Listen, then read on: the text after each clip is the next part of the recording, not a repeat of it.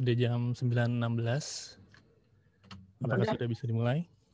Ya, kan nanti pembukaan dulu segala macam. Mhm. Iya. Buat teman-teman mahasiswa dan mahasiswi boleh dinyalakan kameranya kali ya, biar rame, biar terlihat seru. Kita mulai sekarang ya.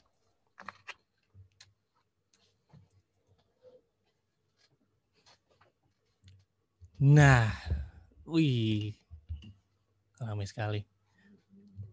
Mulai.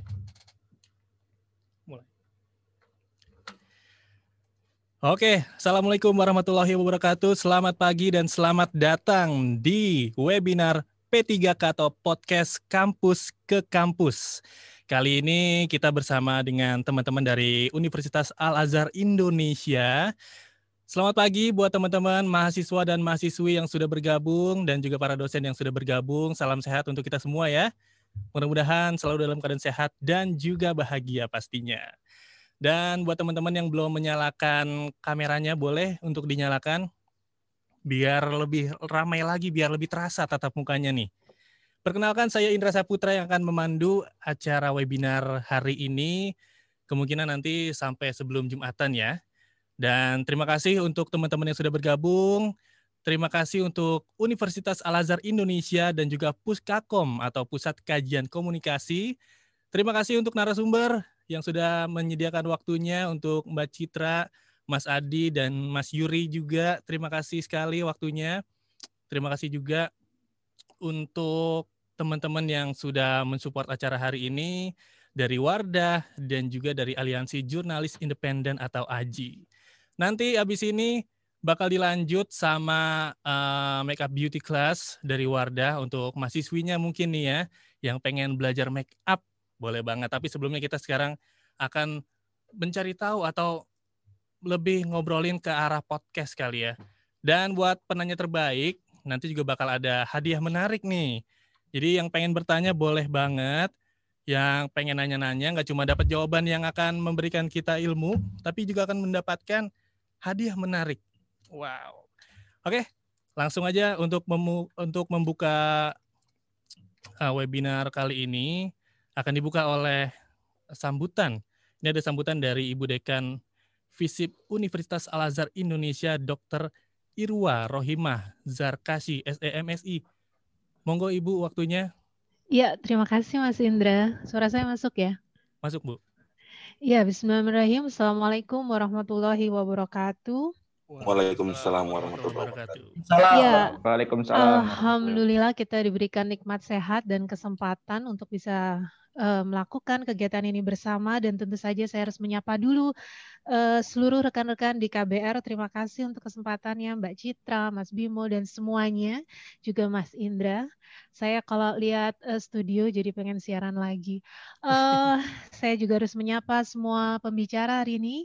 Eh, Mbak Citra sendiri selaku pemimpin redaksi KBR, kemudian Mas Adi Prastya, Deputi Editor in Chief Berita Satu TV, Bang Yuri, dosen kami, dan tentu nanti ada beauty class oleh Delmira. Uh, atas nama program studi ilmu komunikasi khususnya FISIP Universitas Al Azhar Indonesia, saya mengucapkan terima kasih untuk kesempatan ini dan juga untuk rekan-rekan di AJI, kemudian uh, semua pendukung acara ini, Wardah. Uh, tentunya kita uh, sangat senang karena uh, temanya kekinian sekali dan saya rasa mahasiswa juga banyak uh, melakukan mungkin sudah melakukan podcast dan lainnya. Tapi kita akan melihat dan mendengarkan gitu ya uh, bagaimana podcast itu sendiri sebagai media baru bagi uh, anak muda. Um, tentu saya sebagai dekan tidak ingin kerjasama ini berhenti di sini saja. Uh, karenanya saya juga uh, menantikan kerjasama-kerjasama lainnya. Mungkin nanti Mas Wildan bisa um, membuat menginisiasi MOU dengan KBR sehingga uh, saya rasa banyak sekali hal-hal, uh, topik-topik atau materi-materi yang bisa kita bicarakan uh, di kelas di mana pun dan kesempatan uh, di era pandemi ini sangat terbuka, lebih mudah karena tidak harus setting tempat dan lain-lain dan saya kira itu yang harus kita manfaatkan sebaik-baiknya. Untuk rekan-rekan mahasiswa yang tercinta yang hari ini sudah bergabung.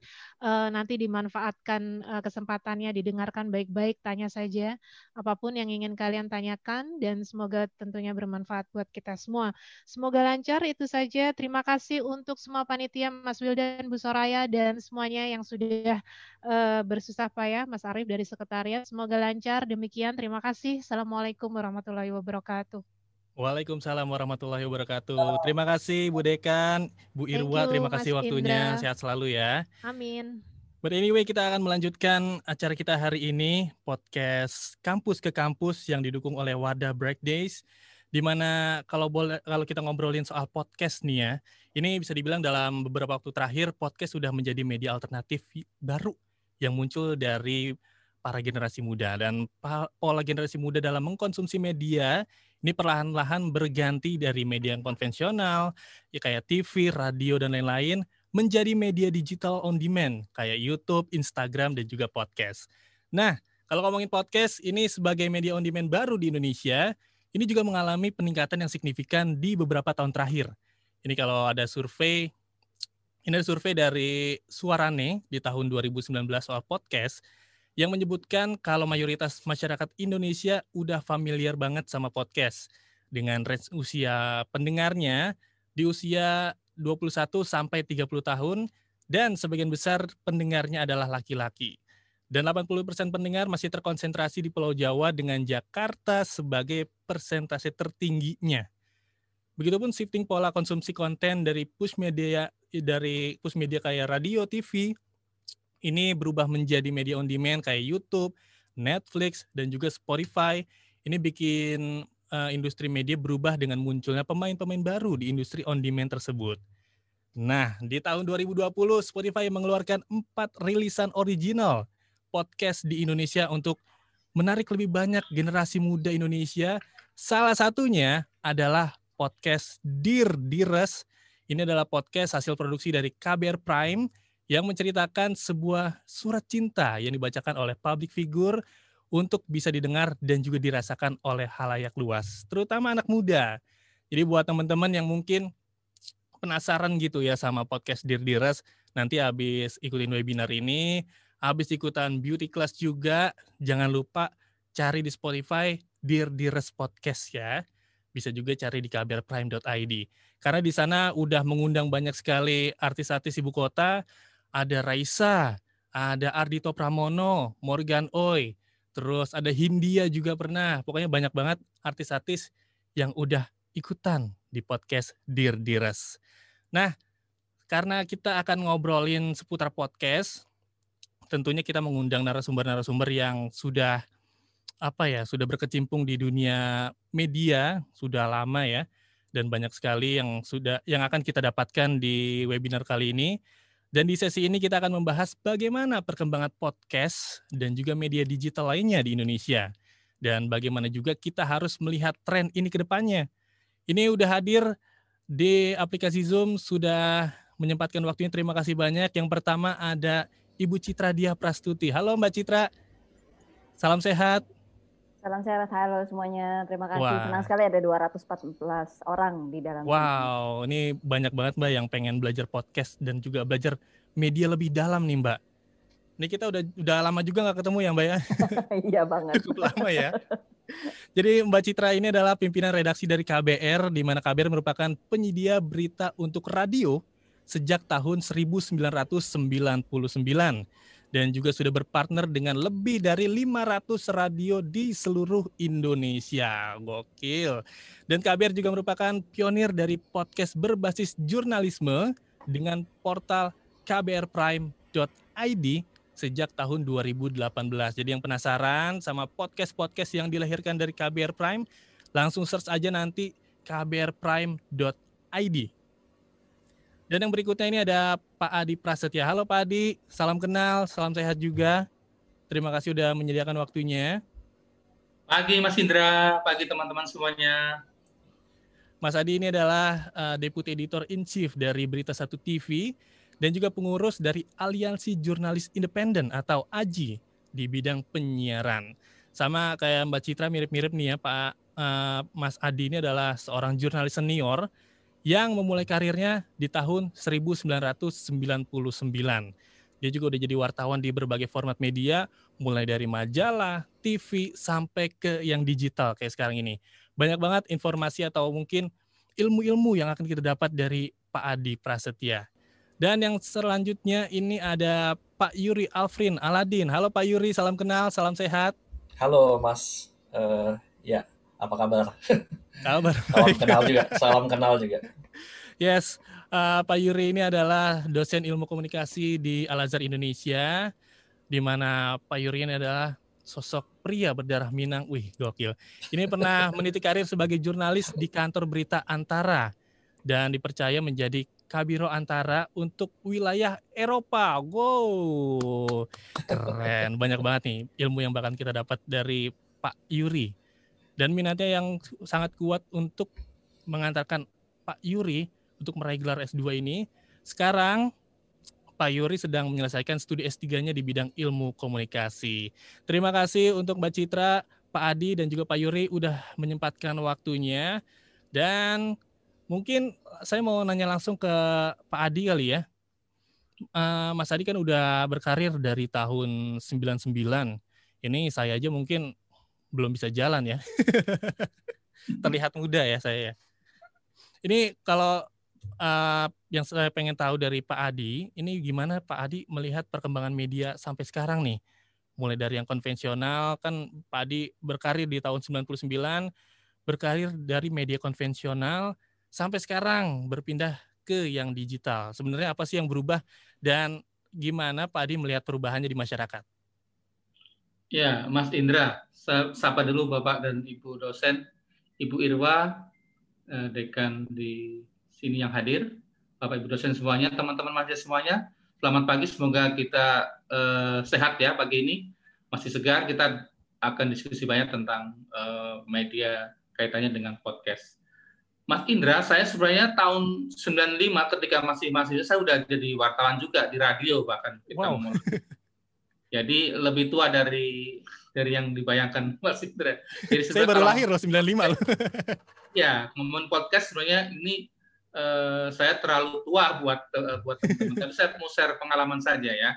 Nanti kalau soal teknis itu ada Mbak Citra ya, itu yang sangat jago ya, untuk uh, podcast. Salah satu pionir podcaster di Indonesia uh, jadi begini, kalau kita membandingkan bagaimana media dulu zaman saya masih mengawali apa karir sebagai jurnalis itu sangat berbeda dibanding dengan sekarang. Dulu kita seolah-olah hanya satu arah, one way.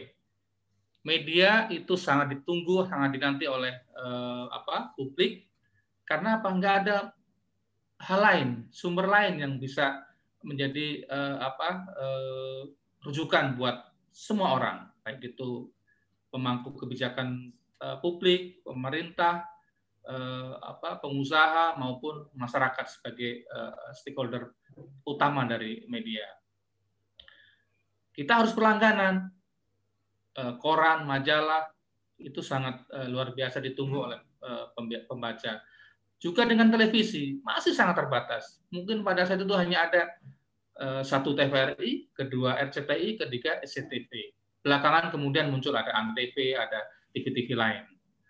Jadi pendek kata media pada saat itu persaingannya sangat tidak ketat. Semua masih mendapatkan porsi yang uh, besar, baik dari sisi uh, viewership-nya, pemirsanya, pembacanya, maupun juga kue iklannya jadi kalau kita membandingkan dengan dulu eh, dengan sekarang maka eh, saya bisa katakan ada banyak hal yang kita sangat rasakan berbeda. Pertama jelas dari sisi eh, konten kita menang karena tidak ada sosial media. Kita berkuasa dan tanda kutip karena orang membutuhkan kita sebagai salah satu rujukan utama untuk apa mendapatkan berita dan informasi. Dan ketiga dari sisi bisnis itu pengiklan semuanya lari ke media mainstream. Berbeda dengan sekarang, sekarang uh, ekosistem media sangat berkembang jauh, uh, sangat berkembang sangat pesat dan sangat revolusioner. Sekarang orang tidak lagi mengandalkan media mainstream seperti televisi, uh, koran, majalah, uh, dan lain-lain, atau mungkin juga radio. sebagai salah satu rujukan utama. Sekarang kita Mas Indra bangun pagi yang dipegang handphone. Mau cari apa? Cari informasi. Dari mana? Tidak dari mana-mana. Mungkin pertama yang dibuka adalah apa? Mungkin WhatsApp, mungkin Telegram, mungkin Line buat teman-teman mahasiswa yang masih, mungkin bahkan Instagram. Dan itu apa yang dicari? Mungkin informasi kaitannya dengan uh, produk news. Jadi sekarang ekosistem berkembang luar biasa, platformnya uh, sangat banyak dan tidak lagi hanya mengandalkan media mainstream atau media konvensional orang bilang. Jadi sekarang kita uh, berhadapan dengan uh, namanya apa namanya uh, pesaing-pesaing baru kalau dari sisi apa bisnis maupun dari sisi merebut pemirsa. Tantangannya apa? Tantangannya sebagai jurnalis, sebagai orang di media, sebagai pebisnisnya di media, kita harus dituntut adjust, dituntut untuk selalu inovasi kepada perkembangan-perkembangan yang baru. Dulu orang menunggu kita punya berita, sekarang kita harus menyodorkan kepada publik door to door, handphone to handphone. Supaya apa? Supaya kita mendapatkan uh, apa namanya viewership yang besar, supaya kita mendapatkan uh, pembaca dan pemirsa yang besar dan juga pendengar tentu saja. Jadi tantangannya besar buat jurnalisnya tentu saja teman-teman mahasiswa yang akan uh, ke depan mungkin berkarir di bidang media itu sangat uh, besar tantangannya. Dan juga sekaligus juga peluang yang juga besar. Karena apa? karena dunia makin banyak eh, pilihan, platformnya makin banyak pilihan, dan juga tentu saja sekarang eh, kalau dari sisi apa ekosistem kita tidak hanya sekedar eh, apa memberi, tapi juga justru publiklah yang memberi input karena kita di dalam apa namanya yang orang selalu sebut sebagai new journalism kita dituntut ada interaksi. Interaksi ini sangat luar biasa karena kita nggak bisa lagi namanya apa uh, salah sedikit pun kita udah wow Mas Indra tahu kan netizen uh, ada istilah netizen yang maha benar kan yeah. kalau kita salah sedikit kita akan habis dibully oleh netizen jadi itu yang penting sekarang kita punya uh, ekosistem yang luar biasa berkembang dahsyat dari sisi teknologi dari sisi platform dari sisi apa uh, jangkauan kita nggak lagi ada istilah Eh, besok baru terbit, baru bisa dibaca, tetapi sekarang terjadi, maka detik itu juga kita harus share kepada eh, viewer atau audiens kita. Kira-kira itu dulu Mas Indra, supaya tidak terlalu panjang. Oke, berarti tantangannya akan besar, tapi peluangnya juga sangat besar untuk kita semua ya Pak ya. Oke, sekarang aku mau ke Mbak Citra dulu deh. Ini Mbak Citra kan uh, juga sekarang sebagai pimpinan KBR yang tadinya uh, fokus di radio, sekarang beralih ke podcast atau media digital nih. Gimana melihat perbedaan antara dua dunia tersebut nih Mbak? Dan respon pendengar gimana nih pendengar lama KBR yang biasanya mendengarkan radio maupun pendengar baru yang sekarang harus beralih ke podcast juga. Monggo Mbak Citra. Oke, terima kasih Indra. Selamat pagi juga semuanya, Mas Adi. Kita ketemu lagi. Pagi Citra. Selamat pagi. terima kasih juga untuk uh, Universitas Al Azhar yang sudah mengundang dan bekerja sama dengan KBR. Jadi eh, kalau tadi pertanyaannya dari Indra adalah soal kenapa KBR kemudian beralih ke podcast ini terjadi sejak 2018. KBR sendiri sejak 1999 eh, fokusnya di radio network, kami punya jaringan di 34 provinsi, bekerja sama dengan 500 radio di seluruh Indonesia. Lalu kemudian eh, tentu saja karena perkembangan teknologi tidak bisa kita abaikan begitu saja ya. Kita nggak bisa uh, pura-pura nggak ada perkembangan teknologi lantas diem-diem aja di radio network itu kan rasanya nggak mungkin gitu. Dan sebetulnya audio adalah sesuatu yang sangat storytelling yang sangat purba gitu kan. Kita pertama kali belajar apa sih dengerin suara orang, kita seneng seneng denger cerita gitu. Lalu kemudian audio itu um, nggak mati-mati sama perkembangan zaman sebetulnya dan malah dia menemukan hidupnya lagi dengan teknologi gitu. Kenapa? Karena tadi Mas Adi sudah cerita soal uh, perkembangan kita begitu dahsyat dari dari yang orang nungguin sampai kita harus nyodorin. Nah, kalau yang ini adalah uh, kalau yang tadinya orang mesti ya, sama juga orang yang tadinya mesti on schedule kalau dengerin radio, maka sekarang pengennya begitu buka pegang HP, gue mau denger ya gue mau dapetin sekarang gitu. Itu kan ke norma hidup baru sebagai manusia digital sekarang kan begitu ya. Kita pengennya on the move, kita pengennya on demand segala macam dan kemudian ketika konten audio itu masuk sebagai podcast, maka dia bisa menyesuaikan dengan kebutuhan-kebutuhan zaman sekarang gitu. Jadi dia bisa tetap on demand dan on the move mengikuti pergerakan orang dan kuncinya ada di mana? Ya di teknologi, keberadaan smartphone gitu. Tanpa itu mungkin akan sulit gitu. Saya ingat waktu tahun 2015-an gitu misalnya ngobrol eh, di Amerika tuh lagi booming banget podcast namanya Serial. Itu hit banget jadi pembicaraan baik di kalangan uh, umum pendengar podcast uh, Eh, sesama podcaster, eh, wartawan, termasuk juga dosen, karena kemudian itu jadi materi pembelajaran buat di kampus-kampus gitu. Di sini nggak ada yang terlalu peduli dengan kepopuleran serial itu, bahkan pada tahun itu masih ada yang nanya podcast itu bayar nggak sih gitu. Jadi sebegitu nggak taunya gitu dan itu juga terefleksikan dari uh, survei yang ada. Kita cuman di Indonesia baru ada dua survei uh, tentang podcast yaitu survei Eh, dari Daily Social tahun 2018 sama survei yang dibikin oleh podcast Suara nih tahun 2019. Um, tapi dari situ kita bisa melihat bahwa ada pergerakan pertumbuhan yang cukup mengembirakan gitu. Dan kalau di Indonesia kuncinya adalah Spotify. Mau nggak mau kita harus sebut begitu. Karena sebelum Spotify membuka pintu untuk podcast, susah sekali buat kita mendengarkan podcast. Dengerin podcast di mana sih? Nyarinya itu gimana? Kecuali kita punya iPhone, ada di iTunes, gampang gitu. Tapi kalau enggak dan iPhone eh, di Indonesia kan tidak sebegitu populer dengan di Amerika gitu. Jadi itu juga faktor-faktor yang menyebabkan kenapa podcast juga sangat berkembang di Amerika karena ada eh, dorongan dari iPhone itu. Eh, lalu kemudian pendengar, pendengar itu juga mungkin sebetulnya kalau kita bisa bilang KBR punya radio network juga kemudian main di podcast itu sebenarnya kita mencoba reach out ke audiens yang berbeda uh, pendengar radio mungkin lebih mature, lebih dewasa gitu dan dia lebih uh, umum pen, apa ya pengetahuannya segala macam karena kita menyasar audiens umum dari Aceh sampai Papua gitu. Jadi berita-berita yang cukup generik itu dibutuhkan. Sementara untuk podcast kita bisa uh, reach out ke pendengar yang lebih muda uh, dan kemudian juga bisa main ke tema-tema yang lebih spesifik. Jadi ada dua outlet yang kemudian kita coba Eh, reach out ke orang yang berbeda dengan format yang berbeda juga. Tadi Indra sempat menyebut soal Dear Dearest. Dear Dearest adalah podcast original yang dibikin oleh KBR untuk uh, Spotify. Dari statistik yang diperoleh Dear Dearest itu kelihatan bahwa pendengarnya paling banyak di usia 18 sampai 22 tahun gitu. Nah, 18 sampai 22 tahun itu adalah kelompok usia yang uh, kayaknya kalau sekarang dengerin radio jarang tuh ya umur 18 sampai 22 gitu syukur-syukur pernah mencet FM radio di HP-nya. Ya, gitu. Itu pun kalau ada ya.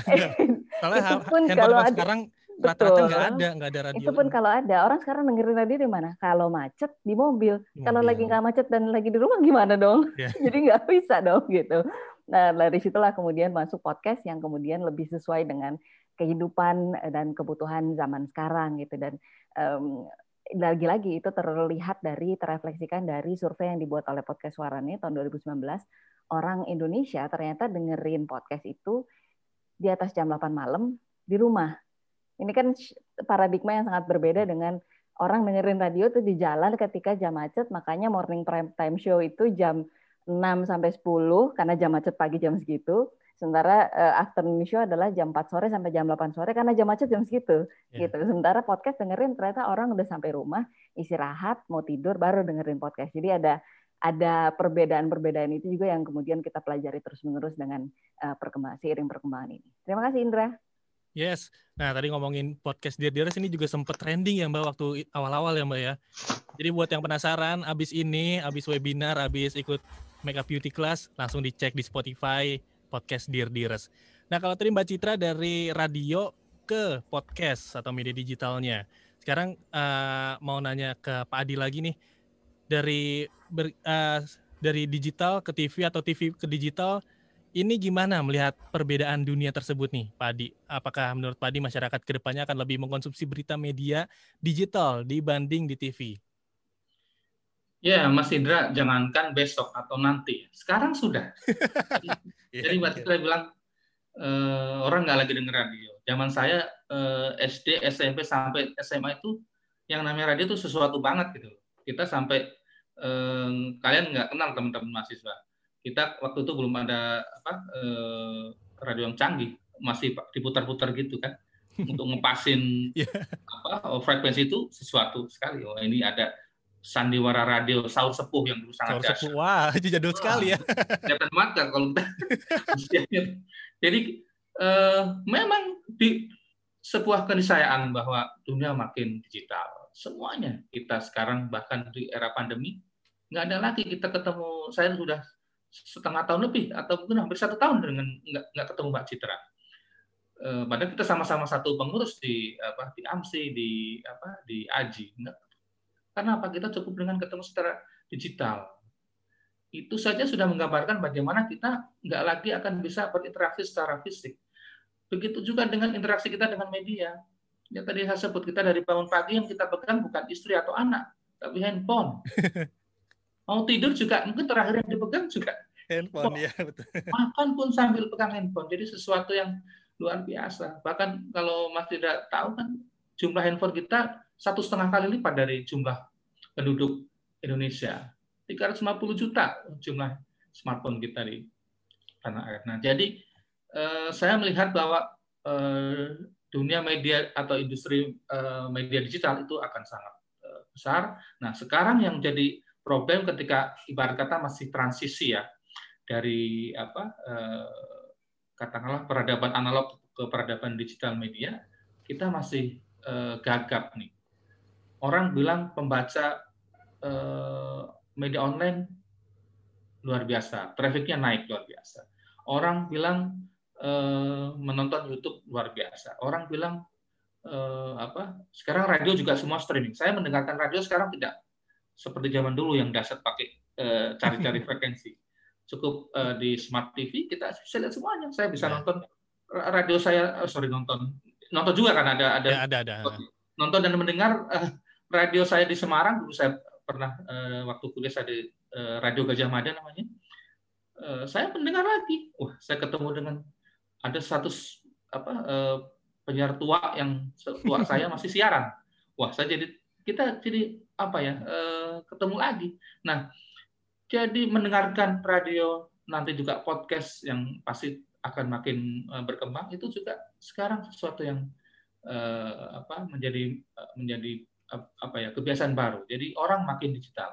Tetapi juga kita lihat secara uh, bisnis orang bilang belum ketemu nih uh, apa hmm. antara traffic pemir apa pemirsa atau traffic uh, pendengar atau traffic pembaca yang luar biasa naik tajam, jumlah viewership naik tajam, tapi ternyata secara bisnis belum ketemu. Jadi pendapatannya tidak sebanding, Mas Indra. Misalnya survei survei Asen Nielsen terbaru eh, dalam setengah tahun atau satu semester di 2020 ini siapa orang atau siapa media yang paling banyak mendapatkan eh, revenue? Masih televisi masih media konvensional. 88 triliun dari 122 eh, triliun lebih belanja iklan itu diperoleh oleh TV atau didapat oleh televisi baru kemudian digital dan seterusnya jadi singkat kata, secara apa? Eh, secara landscape memang kita akan berubah makin digital, apalagi nanti ada ada Internet of Things ya, kita semuanya serba internet, eh, buka pintu pakai internet sampai rumah eh, semua, bahkan nanti ada eh, apa? Kita naik mobil nggak perlu nyetir mas, tinggal lock kita mau ke mana, ya, jalan dengan sendirinya. Kira-kira gitu. Jadi uh, masih ada lag antara uh, skema bisnis dengan uh, apa ekosistem yang berkembang luar biasa. Tetapi kita akan ke sana karena saya yakin tetap juga uh, ini dengan uh, apa setelah disahkannya Undang-Undang Ciptaker kan dua tahun setelah ini TV juga akan mau tidak mau berubah atau transformasi ke TV digital. Analog uh, skip karena frekuensi yang dipakai uh, di industri televisi akan dipakai untuk uh, broadband uh, oleh negara. Kira-kira gitu Mas Indra. Oke, wah banyak banget ilmunya yang bisa didapat ya. Tapi saya mau tahu dari kacamata Pak Yuri nih, melihat industri media digital di Indonesia. Pak Yuri, boleh ditambahkan mungkin uh, mungkin perubahan-perubahan seperti apa yang bisa kita lihat ke depannya di Indonesia? Ya, uh, kedengeran nih suaranya? Ya, jelas. kedengeran nih. Oke, terima kasih Mas Indra. Uh, tapi uh, saya mau sapa dulu ya dari kolega-kolega dosen di UAI. Selamat pagi semua. Kemudian juga dari para pembicara Mas Adi dan Mbak Citra. Apa kabar? Pagi, Mas Yuri. Oke, okay, uh, senang merupakan sebuah kebahagiaan bisa ketemu lagi dengan para jurnalis uh, habitat lama saya. Kalau Mas Adi tadi angkatan lama ya, 95, tapi saya lebih tua lagi, Mas. Saya dulu dari tahun 92 malah. saya angkatannya Mas Heru dulu di KBR. Mbak Citra pasti masih inget ya, Mas Mas Heru. Ya. Bukannya inget lagi. saya udah hilang, saya udah hilang kontak karena HP-nya udah nomor udah ganti-ganti. Nanti saya kasih Mas Yuri, saya ada kontak grup dengan dia. ya, terima kasih banyak. Ya. Baik, uh, jadi menjawab pertanyaan gimana sih sebenarnya keadaan uh, industri media digital. Uh, tadi betul ya seperti yang dikatakan Mbak Citra juga bahwa uh, konsentrasi memang masih di kalangan muda gitu. Nah, uh, apa masih di kalangan muda, kemudian uh, masih terpusat di Pulau Jawa gitu ya. Kalau untuk kita bicara lebih uh, fokus ke podcast misalnya, itu juga kebanyakan sih uh, audience masih masih cuma sebagai pendengar, bukan sebagai seorang uh, apa content creator gitu. Mereka cuma sebagai sebagai uh, consumer aja gitu. Nah ini yang sebaiknya memang diperluas. Saya sedikit ya, saya mau menanggapi juga sekaligus menjawab pertanyaan Mas Indra, saya sekaligus juga untuk menanggapi dari Mas Adi juga tadi betul yang dikatakan itu kalau kita mau bikin industri media digital di Indonesia itu semakin maju gitu ya, barangkali ekosistem yang harus diperkuat gitu. Kan industri media itu industri media digital terutama kalau mau maju kan dia harus ditopang dengan berbagai unsur juga gitu. Salah satunya misalnya gini, untuk SDM-nya, untuk SDM siapa sih penghasil SDM? SDM untuk di media digital itu kan dari kampus, kampus yang akan melahirkan tenaga-tenaga kerja yang akan nanti mensuplai uh, apa namanya uh, tenaganya untuk menjadi pekerja di sana gitu di media digital. Nah ini juga tantangan buat kampus, mas. Tantangan buat kampus untuk menghasilkan tenaga-tenaga ahli atau tenaga-tenaga siap pakai minimal bukan ahli deh ya minimal tenaga siap pakai untuk bekerja di, di industri media digital gitu. Nah e, tantangannya adalah nggak semua kampus juga yang siap untuk itu gitu. Nggak semua kampus memiliki e, tenaga pengajar yang juga ahli memberikan keterampilan-keterampilan di bidang uh, media digital gitu. Ya masih banyak lah ya yang mesti perlu diperbaiki gitu. Itu tantangan ke depan. Begitu juga misalnya kalau kita lihat dari uh, apa ya? Dari misalnya supplier atau uh, developer untuk developer untuk aplikasinya gitu. Itu juga kan kebanyakan masih luar negeri kan Anchor, Spotify dan segala macam Google Podcast apa itu semuanya kan dari luar negeri. Di Indonesia saya belum tahu nih, kayaknya belum ada gitu yang jadi distributor apalagi kalau kita bicara hostingnya gitu. Nah, itu yang barangkali di Indonesia juga mestinya gitu ya suatu saat juga ada. Kemudian dari sisi peralatan misalnya. Peralatan juga buat podcast saja kalau kalau untuk YouTube mahal gitu ya.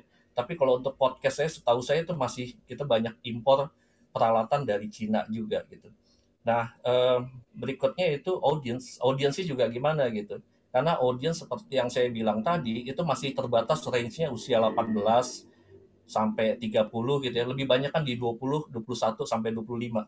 Tapi kemudian juga mereka terkonsentrasi di Pulau Jawa gitu. Nah, itu yang yang juga uh, sebaiknya audiens itu diperluas lagi gitu ya. Uh, sekitar dua bulan lalu itu si berkreasi dengan Kominfo mengadakan pelatihan untuk menjadi seorang content creator podcast. Dan itu bagus banget melatih masyarakat gitu ya menjadi seorang uh, content creator dan sekaligus juga dia memperluas audiens juga gitu. Dengan memperluas audiens kan nantinya dia mereka akan uh, menjadi pendengar dari podcast podcast juga. Begitu juga dari pihak pemerintah juga untuk membangun infrastruktur yang kuat dari internet. Jangan infrastruktur kuatnya cuma di Jawa aja gitu tapi di luar Jawa itu kasihan kan mereka kalau mau iya. kuliah aja sekarang juga susah gitu untuk dengerin kuliah jarak jauh ini. Nah kalau di kampus sendiri bicara soal kampus saya sendiri juga udah mulai materi pengajaran saya mulai sejak dua bulan lalu itu menggunakan podcast karena mau nggak mau sekarang jadi eh, apa saya coba dengan zoom kemudian ada keluhan dari mahasiswa gitu ya Kemudian dicoba dengan ada keluhan karena kalau Zoom itu makan kuota. Kemudian pakai YouTube juga makan kuota juga, ngeluh juga. Akhirnya saya gunakan uh, podcast yang kalau misalnya satu jam itu katanya sih cuma habis 25 MB. Kalau pakai YouTube kan rekaman YouTube sampai 100 MB kalau satu jam gitu. Jadi uh, itu salah satu hal di mana uh, baik dosen gitu ya, dosen juga harus belajar juga untuk memperdalam keterampilan media digital gitu. Contohnya salah satunya podcast dan juga mahasiswa juga perlu uh, untuk dilatih. Dan uh, satu lagi yaitu industri uh, yang apa lapangan pekerjaan untuk para uh, content creator itu sebetulnya, sebetulnya terbuka luas. Uh, di media sekarang banyak banget ya lulusan-lulusan dari Ilkom itu yang bekerja sebagai seorang content creator. Jadi misalnya di perusahaan kan mereka punya apa media sosialnya nanti si mahasiswa ini eh sorry lulusan ini kemudian nanti bekerja sebagai seorang pengelola dari pengelola dari media sosial tersebut. Tapi ada juga saya punya pengalaman banyak banget ya uh, alumnus-alumnus yang apa uh, didikan saya kemudian juga mereka tidak mau bekerja gitu, tidak mau bekerja di perusahaan, tapi justru menjadi content creator independen gitu. Mereka mengelola sendiri uh, apa konten-kontennya dan bisa menghasilkan uang dari sana. Nah, di sinilah di forum ini saya juga mau mengajak teman-teman mahasiswa semua uh, coba deh kalian juga mencoba untuk menjadi seorang content creator. Saya punya pengalaman dan ini asli ada uh, mahasiswa saya dulu ya, dulu ya, sekarang udah lulus. Itu bahkan ketika dia jadi mahasiswa, dia menjadi seorang beauty vlogger dan mendapatkan penghasilan per bulan 50 juta per bulan, 50 wow. juta rupiah net. Lalu ada lagi uh, ex mahasiswa saya dulu yang dia cover-cover lagu gitu ya dan dia mendapatkan penghasilan per bulan sampai 100 juta rupiah. Dia coba mengcover lagu. Dia tampilin di Spotify. Dan sekarang dia menjadi musisi. Terkenal namanya Petrus Mahendra. Mahen yang sekarang 54 juta oh, orang yang akses ya. Itu dulu mahasiswa sih juga. Makanya itu uh, mudah-mudahan bisa menginspirasi teman-teman juga gitu ya, teman-teman mahasiswa untuk juga uh, mencoba untuk menjadi seorang content creator terutama satu media digital yang mulai gitu ya, mulai apa namanya, mulai terkenal, mulai marak sekarang yaitu podcast. Itu aja Mas. Oke, Sebenarnya. berarti uh, sebagai content creator ini mungkin bisa sebagai mahasiswa mahasiswi yang sekarang masih belajar mungkin bisa memperdalam itu semua ya dan bisa dijadikan profesi mudah-mudahan di suatu saat nanti.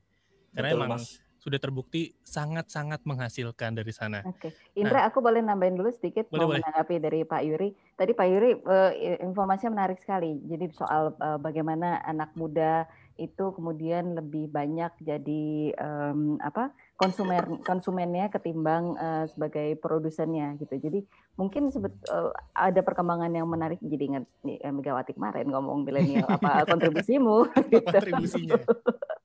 jadi nah kalau kita sorry kalau melihat dari um, dari perkembangan sekarang uh, minimal yang dialami oleh di KBR gitu Eh, ketika kami bikin lomba podcast eh, beberapa bulan lalu, maka ada sekitar 70-an orang mahasiswa yang kemudian mengirimkan eh, lomba. Padahal temanya cukup spesifik ya, yaitu soal bagaimana kita kami kerjasama dengan Komnas Perlindungan Tembakau, temanya soal iklan rokok di anak muda. Itu kan spesifik banget ya. Tapi kemudian ada 70 mahasiswa yang kirim karya podcast. Itu itu itu surprising buat kami. Lalu kemudian mungkin sekitar sebulan lalu, Oktober awal, eh, September Oktober, kami bikin lagi lomba podcast. Kali ini memang khusus juga menyasar ke mahasiswa. Lalu temanya kami pilih yaitu surviving corona ala gue. Gitu. Jadi kita pengen mahasiswa juga merefleksikan apa sih yang terjadi selama corona itu karena kan perubahan besar sekali. Yeah. Baik yang semesternya udah agak akhir atau awal itu semua punya dampak yang berbeda-beda gitu. Ada 170 submission yang datang itu juga eh, luar biasa dan uh, ada dari Langsa, ada dari ada dari Brawijaya, ada dari macam-macam segala macam. Jadi dari berbagai daerah dan itu uh, menarik gitu. Cara mereka menyampaikan, mengartikulasikan konten juga juga bervariasi gitu. Jadi mungkin ada ada pergerakan dan kemudahan podcast ini juga kemudian akan mendorong semakin banyak anak muda uh, berkreasi lewat podcast dan jangan lupa kalau kita lihat di Spotify chart ada Rintik Seduh yang jarang banget goyang dari posisi satu di chart yeah. Spotify dan itu adalah yang bikin adalah seorang uh, berusia 20-an tahun. Jadi welcome to the world. Kemungkinannya sangat besar ya Betul. untuk untuk uh, berkecimpung di dunia podcast atau sebagai content creator. Nah, kalau ngomongin podcast kan ini genrenya juga sekarang udah beragam banget, ada yang komedi, drama, horor dan lain-lain. Sedangkan KBR Prime ini bisa dibilang sebagai pionir dari uh, podcast berbasis jurnalisme. Nah, kalau dari Mbak Citra sendiri sebenarnya apa sih pentingnya peran jurnalisme di podcast atau di industri podcast Indonesia ini dan langkah-langkah apa yang sudah dilakukan untuk memasukkan unsur jurnalisme ke podcast-podcast KBR? Oke, okay.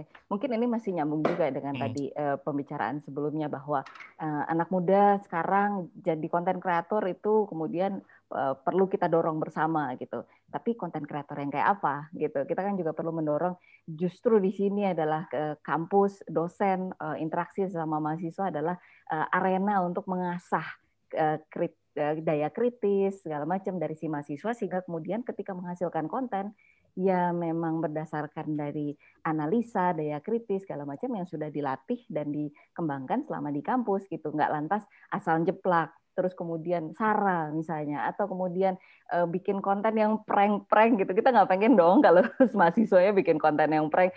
Iya laris, view-nya banyak, cuma kan gitu. Kayaknya nggak bisa tidur tenang gitu kalau mahasiswanya ada yang bikin konten prank gitu. Kayak gitu. Jadi uh, mas konten seperti apa sih yang perlu dibikin oleh uh, teman-teman mahasiswa gitu.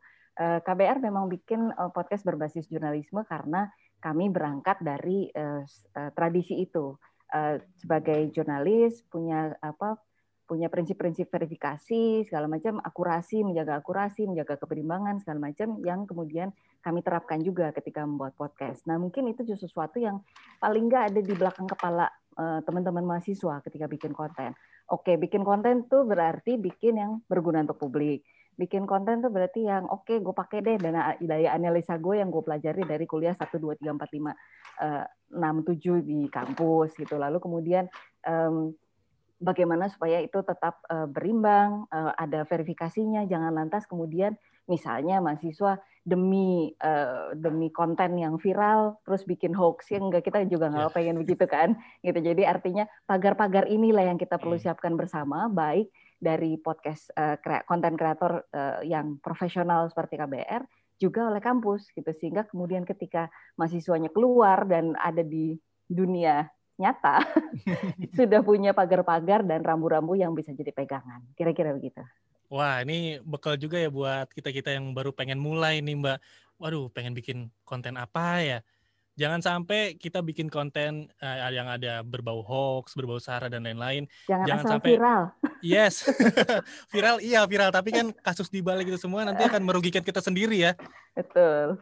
Nah, Kak, saya mau ke Mas Adi nih, dengar-dengar Mas Adi punya slide mungkin boleh ditampilkan biar bisa di-share ke teman-teman mahasiswa dan mahasiswi.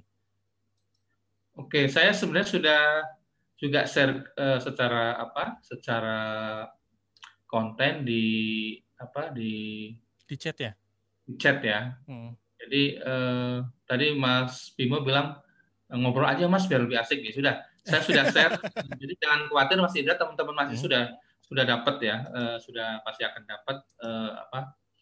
Uh, ya itu hanya bahan bacaan aja referensi. Hmm. Kenapa sih kita uh, ngomongin podcast. Kenapa sih kita uh, perlu uh, memberi uh, perspektif tentang new journalism di Indonesia? Saya menganggap podcast itu bagian terpenting dari new journalism. Kenapa? Karena uh, ini adalah apa ya? Uh, revolusi dari radio yang saya tahun 95 uh, siaran betul-betul kayak Mas Indra sekarang harus iya. datang, ya. harus uh, bahkan belum ada namanya apa uh, MP3 masih kaset ya? Kaset.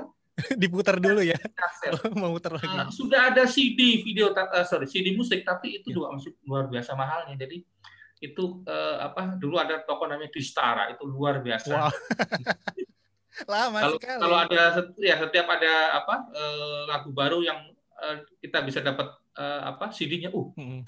berbeda sekali suaranya. Dan itu kan sekarang yang kita nikmati setiap hari suaranya bening, murah bahkan uh, apa CD sudah sudah ditinggalkan juga sekarang hmm. sudah sudah jauh berbeda. Jadi uh, saya mau uh, gini aja tadi menyambung dari Mas Yuri. Memang kita harus bersama-sama mendorong eh, saya dan Mbak Citra juga mendorong kepada semua stakeholder, terutama pengambil kebijakan, untuk ekosistem digital, digital itu kita harus eh, kalau bisa punya kemandirian. Tadi disinggung tentang pemerintah sepertinya harus didorong untuk apa ya terlibat langsung dalam misalnya bagaimana menyiapkan hosting aja lah yang paling mudah. Hosting aja kita harus luar negeri, apalagi apa aplikasinya untuk editingnya, untuk segala macam. Tidak hanya di podcast, di televisi, di YouTube kan juga kita coba. Eh, kenapa tidak ada YouTube Indonesia? Ada sekarang namanya video.com, punyanya MTech Group. Tapi belum ada podcast. Mungkin saya mendorong Mbak Citra untuk eh, bikin hosting, eh, bikin apa platform sendiri. Ya, saya, saya kira dengan apa dengan internet yang makin murah sudah cukuplah kita untuk bisa apa, ke sana. Jadi teman-teman eh, terutama apa yang memang tertarik untuk eh, terjun ke dunia jurnalistik, saya sih berpesan eh, mungkin sembari kita memperbaiki ekosistem, kita akan terus dorong pemerintah, kita akan dorong terus apa seluruh apa mungkin juga lembaga bisnisnya untuk juga terlibat, tapi teman-teman persiapkan diri mumpung pandemi ini jangan dianggap sebagai kendala. Pandemi justru ini menjadi lahan bagus buat kita untuk banyak bereksperimen. Podcast itu nggak perlu harus keluar-keluar kayak saya harus eh, orang TV yang harus datang tidak boleh liputan langsung ya. Satu menit pun betul. Podcast itu bisa dari dalam kamar. Kita mau ngomongin apa saja, ngomongin tentang cinta, ngomongin tentang kan tadi Mbak Cita bilang, Eh, podcast galau-galau gitu yang paling banyak didengar. Saya tadi yeah. sempat lihat uh, apa chart yang hari ini pun juga tempatnya Mbak Citra masih di bawah jauh yang news. Jadi uh, memulailah dari yang apa yang bisa kita lakukan. Tidak harus jadi podcaster jurnalis yang hebat dulu. Kita bisa misalnya uh, dengan apa istilahnya uh, monolog. Misalnya kita ngomong tentang apa sih uh, apa apa ya eh, pelajaran terpenting buat kita dari pandemi ini. Oh, ternyata kita bisa happy juga loh. Saya merasakan bahwa pandemi buat mahasiswa itu kesempatan untuk ekspor tentang dunia digital, tentang kemampuan menulis, tentang membanyak apa membaca banyak referensi. Jadi kita mulai dari apa yang kita bisa.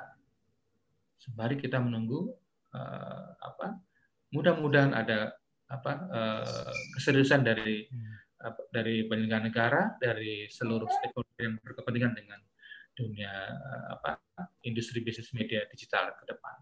Kira-kira itu Mas Hendra. Jadi kalau untuk materi jangan khawatir udah saya share ke hmm. ke ini ke di chat ya. Zoom chat bisa langsung di-download di situ juga ya. Ya, kan sebenarnya ada 11 item penting yang hmm. menjadi penanda dari new journalism.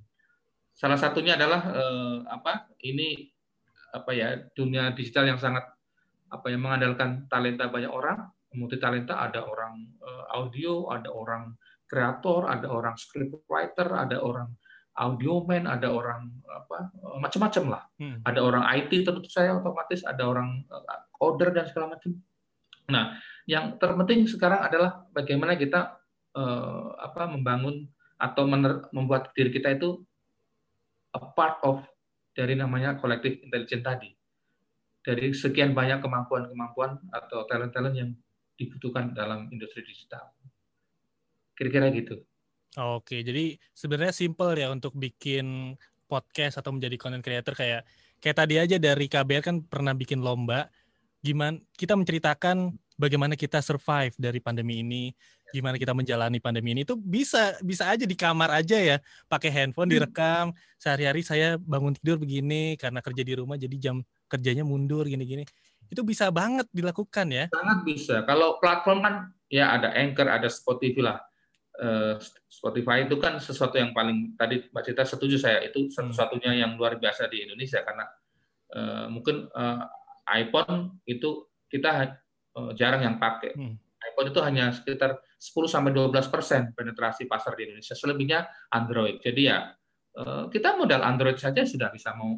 Sekarang gini, jangankan untuk uh, bikin apa namanya uh, siaran sendiri melalui podcast. Sekarang semua presenter saya itu juga bisa stand up dari smartphone. semua yang dubbing itu dilakukan dari rumah supaya apa supaya dia eh, secara apa secara fisik aman nggak usah harus ke kantor. Dubber itu sekarang hanya mengandalkan smartphone, yeah. nggak perlu lagi yang canggih-canggih. Memang kalau kayak uh, apa uh, teman-teman di KPR harus punya uh, editing suite, punya apa studio suite yang bagus lah untuk supaya kualitas audio. Tapi untuk ini sudah cukup. Kan juga ada aplikasi lain hmm, yang bisa diunduh, banyak hmm. sekali uh, yang bisa dicari untuk misalnya uh, uh, apa untuk mixing, hmm. untuk kasih background supaya lebih bagus intinya jangan menyerah. Jangan kita membiarkan diri kita menjadi konsumen, tapi jadilah produsen, jadilah konten uh, kreator seperti yang diinginkan oleh Pak Yuri tadi. Kira-kira itu. Yes, mudah-mudahan bisa memotivasi teman-teman yang sedang menyaksikan juga ya. Karena mungkin bingung, aduh mau bikin apa, mau bikin apa. Bisa banget jadi podcaster, caranya gampang, tinggal menceritakan atau mungkin kalau emang hobi nulis-nulis, kita cari data-data dari mana, kita angkat untuk topik di podcast kita. Wow, ini seru banget nih obrolan ya. Bakalan panjang sepertinya. Tapi Pak Adi boleh menambahkan soal uh, tadi kan ngobrolin podcast, sekarang uh, mau ke arah TV dulu nih. Tadi Mas Adi bilang kalau media TV konvensional ini bakal beralih ke digital semua beberapa tahun lagi. Nah, sebenarnya langkah-langkah atau inovasi apa sih yang dilakukan TV sekarang biar nggak ketinggalan zaman gitu, biar orang-orang bisa tetap menyaksikan, bisa tetap menjadi pilihan untuk untuk media TV karena kalau dilihat perkembangannya kan uh, kayaknya banyak anak muda sekarang yang jarang banget nonton TV. Radio ya udah mulai berkurang mungkin. TV juga sama ternyata karena kalau mau nonton TV ketinggalan acaranya ya udah bisa nonton di YouTube. Nah, gimana nih Mas Adi boleh menyikapinya? Ya, ini kegalauan yang sama uh, apa uh, yang dilak apa ya dirasakan oleh teman-teman di industri TV. Tidak hanya soal bagaimana deliver konten kepada publik. Teman-teman dicetak juga lebih galau lagi malah. Kata orang bilang ini adalah uh, salah satu yang apa uh, sunset industry. Saya nggak yakin, tetap ada nanti pembaca koran, pembaca majalah tetap ada. Mungkin memang akan apa ada titik keseimbangan baru nanti. Nah di TV juga begitu apa yang kita lakukan apa uh, selama ini tentu kita harus tadi kita harus mengikuti apa ekosistem yang sekarang berkembang. Kalau Mas Indra boleh jujur, sekarang TV terbesar itu yang YouTube. Iya. Nggak ada yang nyamai Semuanya itu. ada di sana ya. Jadi mau nggak mau sekarang yang jangka pendek dilakukan oleh teman-teman di TV adalah ya kita harus ke sana, harus ke digital, Dulu kita senang banget itu bisa eh, tahun 2011 saya bisa pertama kali live streaming siaran TV di smartphone luar biasa kita sampai nggak tidur malam-malam. Uh, ternyata sudah bisa ya nonton TV dari handphone. Sekarang nggak cukup dengan itu. Sekarang juga harus bisa tadi yang eh, Mbak Citra juga bilang. Kalau radio ketinggalan kita nggak dengar. Tapi dengan podcast orang bisa putar lagi anytime kita bisa uh, rewind lagi anytime forward dan segala macam. Begitu juga dengan televisi. Yang paling mudah dilakukan sekarang adalah ya pasti kita harus ikuti platform yang uh, yang sedang berkembang. Kita juga ada siaran di uh, sosial media, di televisi, uh, sorry di YouTube, uh, di Instagram bahkan ada IGTV, ada kemudian uh, di YouTube, uh, sorry apa di Facebook juga untuk orang-orang tua saya mungkin masih uh, banyak uh, pakai Facebook daripada Instagram. Jadi yang penting inovasi itu harus juga uh, apa namanya mengikuti ekosistem yang berkembang. Kalau soal konten kan kira-kira akan sama lah. Hmm. Nah bedanya adalah dulu kita one way. Masih ingat uh, saya sebut mohon maaf iklan Coca-Cola. Dulu kan hanya cukup dikenal iklannya, uh, logonya, terus gambar orang minum dengan rasa yang sangat segar. Hmm sekarang kan iklan nggak hanya sekedar dikenal mereknya. Begitu juga dengan televisi. Sekarang kita nggak cukup hanya dikenal programnya atau uh, ditonton, tetapi kita harus memberi engage yang lebih. Kalau bisa kita uh, kalau dalam uh, ilmu itu ada namanya share. Harus satu kita mengutamakan storytellingnya. Kalau bisa kita hype ya ada yang kita tunggangi dalam tanda kutip atau kalau bahasa jurnal itu newspek-nya ada sesuatu yang sedang uh, tren atau sedang berkembang. Uh, E-nya apa? Actionable. Jadi harus apa yang kita eh, tampilkan harus memberi sesuatu yang orang atau mendorong orang untuk berbuat sesuatu. Dan E-nya emotion. Kita menyentuh apa yang menjadi kegalauan dari pemirsa atau apa yang menjadi sesuatu yang dirasakan atau menjadi kepentingan dari para pemirsa. Jadi eh, apa pun itu kita harus eh, sekarang harus ikut ekosistem.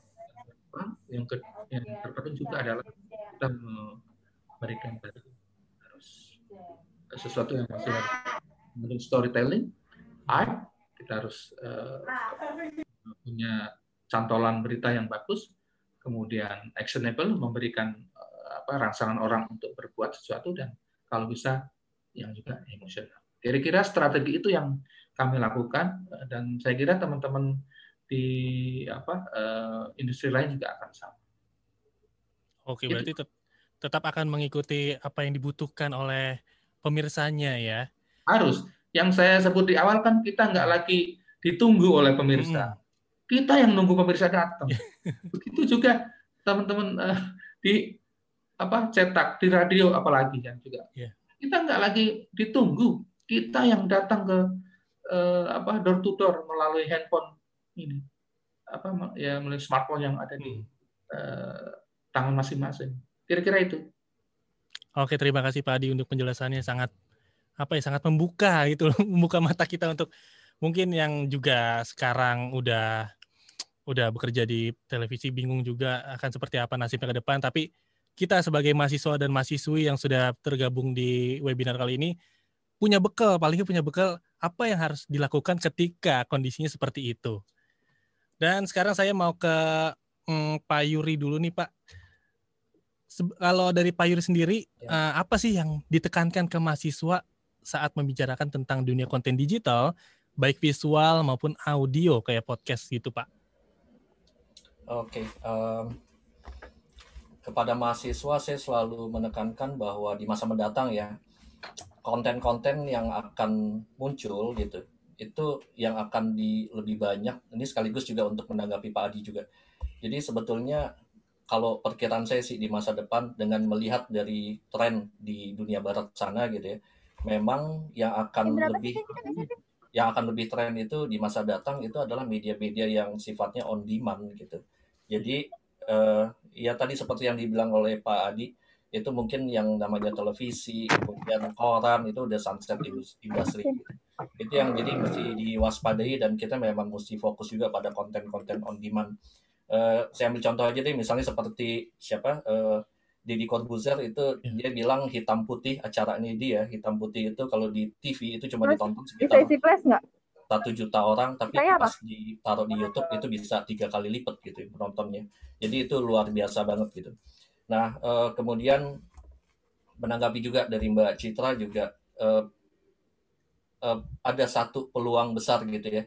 Ada satu potensi bukan peluang tapi lebih tepat potensi bahwa generasi milenial itu bisa melakukan perubahan sosial caranya dengan apa? Ya dengan media sosial itu gitu. Salah satunya adalah dengan podcast. Melalui podcast mereka bisa melakukan perubahan sosial dan uh, itu potensinya luar biasa ketika mereka kemudian me, apa, me, menjabarkan opini-opini dan segala macam kritikan-kritikan mereka terhadap segala sesuatu. Jadi kalau balik lagi kepada pertanyaan Mas Indra tadi uh, bagaimana kepada mahasiswa gitu ya apa yang yang saya sampaikan kalau saya selalu menekankan kepada mahasiswa untuk mereka sebaiknya punya media sosial. Minimal satu aja entah itu Instagram kayak YouTube atau akun YouTube atau Facebook dan sebagainya gitu. Karena melalui media sosial mereka bisa untuk uh, menjadi perubah atau pelaku perubahan sosial gitu ya. Dan untuk itu juga mereka harus tahu batasan-batasan etika-etika uh, etika-etika yang disebut dengan jurnalisme warga atau citizen journalism. Jadi uh, seperti Mbak Citra bilang tadi kan se, apa yang diharapkan adalah dari para generasi milenial bisa bikin konten-konten yang mendidik yang dan sebagainya gitu ya. Kalau saya malah lebih spesifik, saya malah berharap gitu ya kalau dari mahasiswa-mahasiswa saya itu bisa menghasilkan konten-konten yang sifatnya sebenarnya citizen journalism gitu. Karena mereka bisa menjadi jurnalis gitu ya. Mereka dibekali dengan pendidikan mengenai mengenai aspek-aspek jurnalistik dan juga mereka dibekali dengan pengetahuan mengenai etika-etika jurnalistik supaya mereka nanti ketika bikin konten konten citizen journalism mereka nggak melenceng dan mereka akan mampu untuk melakukan perubahan sosial di masa datang. Itu Mas Indra. Oke, berarti sebenarnya un untuk mahasiswa sendiri pun peluangnya juga sangat besar ya. Kayak tadi Pak Yuri uh, mengungkapkan kalau diharapkan bisa menjadi citizen jurnalisme itu bisa dilakukan sendiri tanpa ya kita tanpa perlu bekerja di sebuah perusahaan kita bisa memulai untuk sebelum masuk ke dalam dunia itu dunia jurnalisme lebih jauh lagi. Tapi sekarang saya mau ke uh, Mbak Citra dulu nih. Kalau boleh tahu bagaimana cara Mbak Citra ini melihat industri podcast berbasis jurnalisme di Indonesia ke depannya nih Mbak. Dan bagaimana juga bikin masyarakat tertarik untuk mendengarkan podcast berbasis jurnalisme. Oke, terima kasih banyak. Uh, mungkin uh, podcast berbasis jurnalisme memang masih uh, menantang ya bagaimana hmm. kemudian membuat orang suka lalu kemudian tadi Mas Adi sempat bilang ya podcast yang berbasis news masih di bawah nih gitu yang di atas atas masih yang galau-galau gitu yeah. misalnya ya kita galau juga sih ada di bawah gitu tapi intinya adalah uh, ada satu studi di Jerman yang pernah uh, menyebutkan bahwa um, di Spotify itu orang kacamatanya adalah mencari hiburan gitu. Yeah. Karena Spotify kan berangkat sebagai sebuah platform mendengarkan musik gitu. Jadi orang memang mencari hiburan di situ. Karena itu tidak banyak podcast berbasis news yang kemudian laris di Spotify karena orang masuk ke Spotify ya untuk cari hiburan gitu. Beda dengan uh, Apple Podcast karena Apple Podcast berangkat dengan tradisi podcast di Amerika yang sangat politis. Mereka bisa punya podcast politik tuh ngomong doang satu dua orang itu satu jam gitu di sini kayaknya udah bye gitu. kecuali kontroversial banget kayak yeah. Deddy Corbuzier gitu maka enggak gitu jadi um, menantang memang kemudian uh, jalur yang akan uh, harus ditempuh oleh podcast berbasis jurnalisme yang mengedepankan uh, etika rambu-rambu gitu segala macam uh, karena memang uh, audiensnya tumbuh jauh lebih cepat hmm. punya keinginan jauh lebih besar dan kita semua yang eh, kreator mungkin jadi tertatih-tatih untuk mengikutinya. Begitu juga um, pemerintah dengan kesiapan ekosistemnya segala macam itu juga uh, saling harus saling berlomba dan kita harus berlomba uh, mengejar keinginan uh, apa konsumen yang terus berkembang dan ber, uh, bertumbuh dengan sangat cepat gitu. Jadi uh, bagaimana apakah kemudian uh, susah bagi konten berbasis uh, konten podcast berbasis uh, jurnalisme tidak semudah konten yang sifatnya lebih personal gitu. Karena yang personal mungkin um, kayak rintik seduh gitu segala macam orang merasa relate dengan yeah. oh ini sama nih umurnya sama, pengalamannya sama gitu. Sementara news kan uh, dia menghadirkan uh, sebuah faktu, fakta, hmm. kemudian yang dicari dengan prinsip-prinsip um, uh, verifikasi, akurasi dan segala macam yang oke okay, orang tahu mengkonsumsi itu um, tapi apakah sudah menjadi kebutuhan? Nah, itu yang kemudian harus kita dorong bersama gitu. Menjadikan sebuah podcast sebagai sebuah kebutuhan untuk mencari informasi yang baik gitu, nggak lantas sekedar untuk mencari hiburan aja gitu. Uh, karena itu kemudian KBR juga menghadirkan uh, dengan podcast-podcast yang kami produksi, kami menghadirkan berbagai macam format, durasinya beda, beda-beda, ada uh, apa Eh, target audiensnya juga beda-beda sih karena kami juga ingin menakar kira-kira orang sukanya yang kayak apa sih gitu. Apakah sukanya yang eh, konten-konten pendek lima menit? Karena itu easy to digest gitu misalnya. Apakah kemudian orang lebih suka yang memang kontennya obrolan?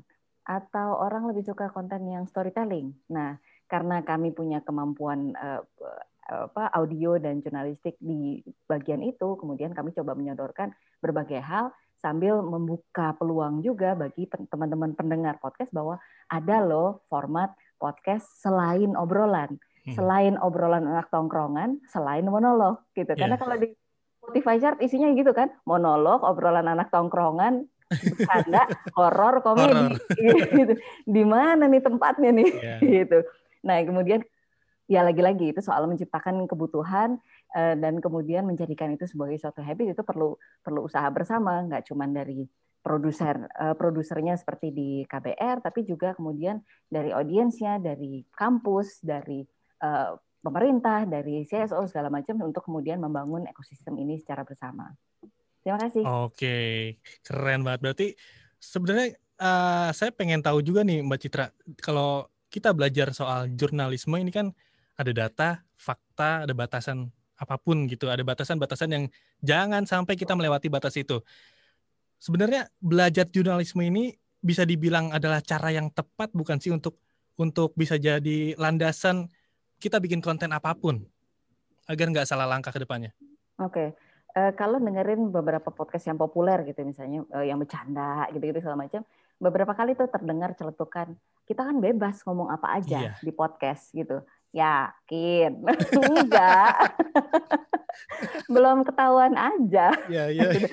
Maksudnya uh, arti artinya aturan itu ada. Mungkin hmm. dia datang terlambat tapi itu ada dan kemudian ada audiens yang juga kita harus bertanggung jawab dong atas konten yang kita bikin ya masa sih kita bikin yang yang buruk gitu terus berharap dunia baik-baik saja gitu kan ya jangan gitu justru karena kita berangkat dengan niat yang baik kita punya latar belakang pendidikan yang baik bikinlah sesuatu yang baik juga gitu apakah itu namanya selalu etika jurnalistik itu salah satunya gitu. Kalau misalnya baca aja sekali gitu kode etik jurnalistik, oh ternyata tuh konten uh, news yang baik itu tidak uh, harus begini-begini, tidak boleh begitu-begitu gitu. Minimal tahu aja itu dulu, lalu kemudian mencoba menerapkannya. Oh berarti nggak boleh uh, ini nih menghina orang lain. Oh nggak boleh uh, one side only. Oh nggak hmm. bisa uh, harus verifikasi nih gitu. Itu kan bagian dari uh, kita bernalar juga kan menggunakan logika kita sebaik mungkin dengan uh, latar belakang pendidikan yang kita punya untuk menghasilkan konten yang baik. Etika jurnalistik adalah salah satunya. Salah lainnya ada banyak. Kita bisa uh, bisa baca berbagai undang-undang. Hmm. Uh, broadcast industri broadcasting itu banyak banget aturan yang harus dipatuhi. Mas Adi hmm. pasti udah uh, paham banget tuh soal itu. Nggak cuma undang-undang pers, tapi juga ada satu, dua, tiga, empat dan lain-lain yeah. yang perlu dipatuhi dan at least tahu itu aja udah membuka mata bahwa oh harusnya begini, kira-kira begitu. Nah, boleh ditambahkan mungkin dari Mas Adi tadi Mbak Citra sedikit sedikit manggil Mas Adi boleh ditambahkan. Ya. Uh, jadi kode etik jurnalistik memang secara moral itu menjadi kewajiban dari uh, jurnalis apa pun itu uh, jurnalisnya untuk uh, mematuhinya. Tetapi apakah teman-teman yang podcaster sendiri yang punya channel sendiri di YouTube misalnya atau uh, punya apa pun uh, konten blog misalnya, apakah dia juga harus taat terhadap kode etik? Kalau saya menyarankan iya atau uh, pendapat saya iya. Kenapa? Karena uh, kode etik itu tidak hanya mengatur soal apa uh, pekerjaan wartawan secara uh, struktur ya atau secara apa eh, praktik, tapi juga cara berpikir, cara kita apa eh, bersikap, kemudian landasan moral juga. Misalnya contoh, kita tidak boleh eh, di salah satu kode etik tidak boleh memakai profesi kita untuk kepentingan diri kita. Misalnya menerima uang, menerima suap dan segala macam. Saya kira itu juga berlaku dalam profesi-profesi yang lain Eh, Pak Yuri yang sekarang jadi dosen kan juga nggak mungkin eh, menerima suap karena misalnya supaya atau dari mahasiswanya supaya nilainya bagus atau dokter misalnya kan juga nggak boleh menerima uang suap supaya hanya meresepkan satu merek apa namanya obat saja. Jadi landasan bekerja secara moral itu untuk kode etik itu bisa dan harus dilakukan atau diikuti oleh juga teman-teman yang mau jadi podcaster. Meskipun eh, apa podcastnya hanya channel pribadi. Ya gampangnya sederhana lah. Kalau kita nggak mau disakiti ya jangan nyakiti orang lain. Kalau kita nggak mau apa eh, istilahnya eh, difitnah ya jangan memfitnah orang lain. Kira-kira kayak gitu. Jadi eh, ya kalau mau sekedar heboh terkenal ya lakukan saja. Eh, ngomong apa adanya sesuka-suka kita.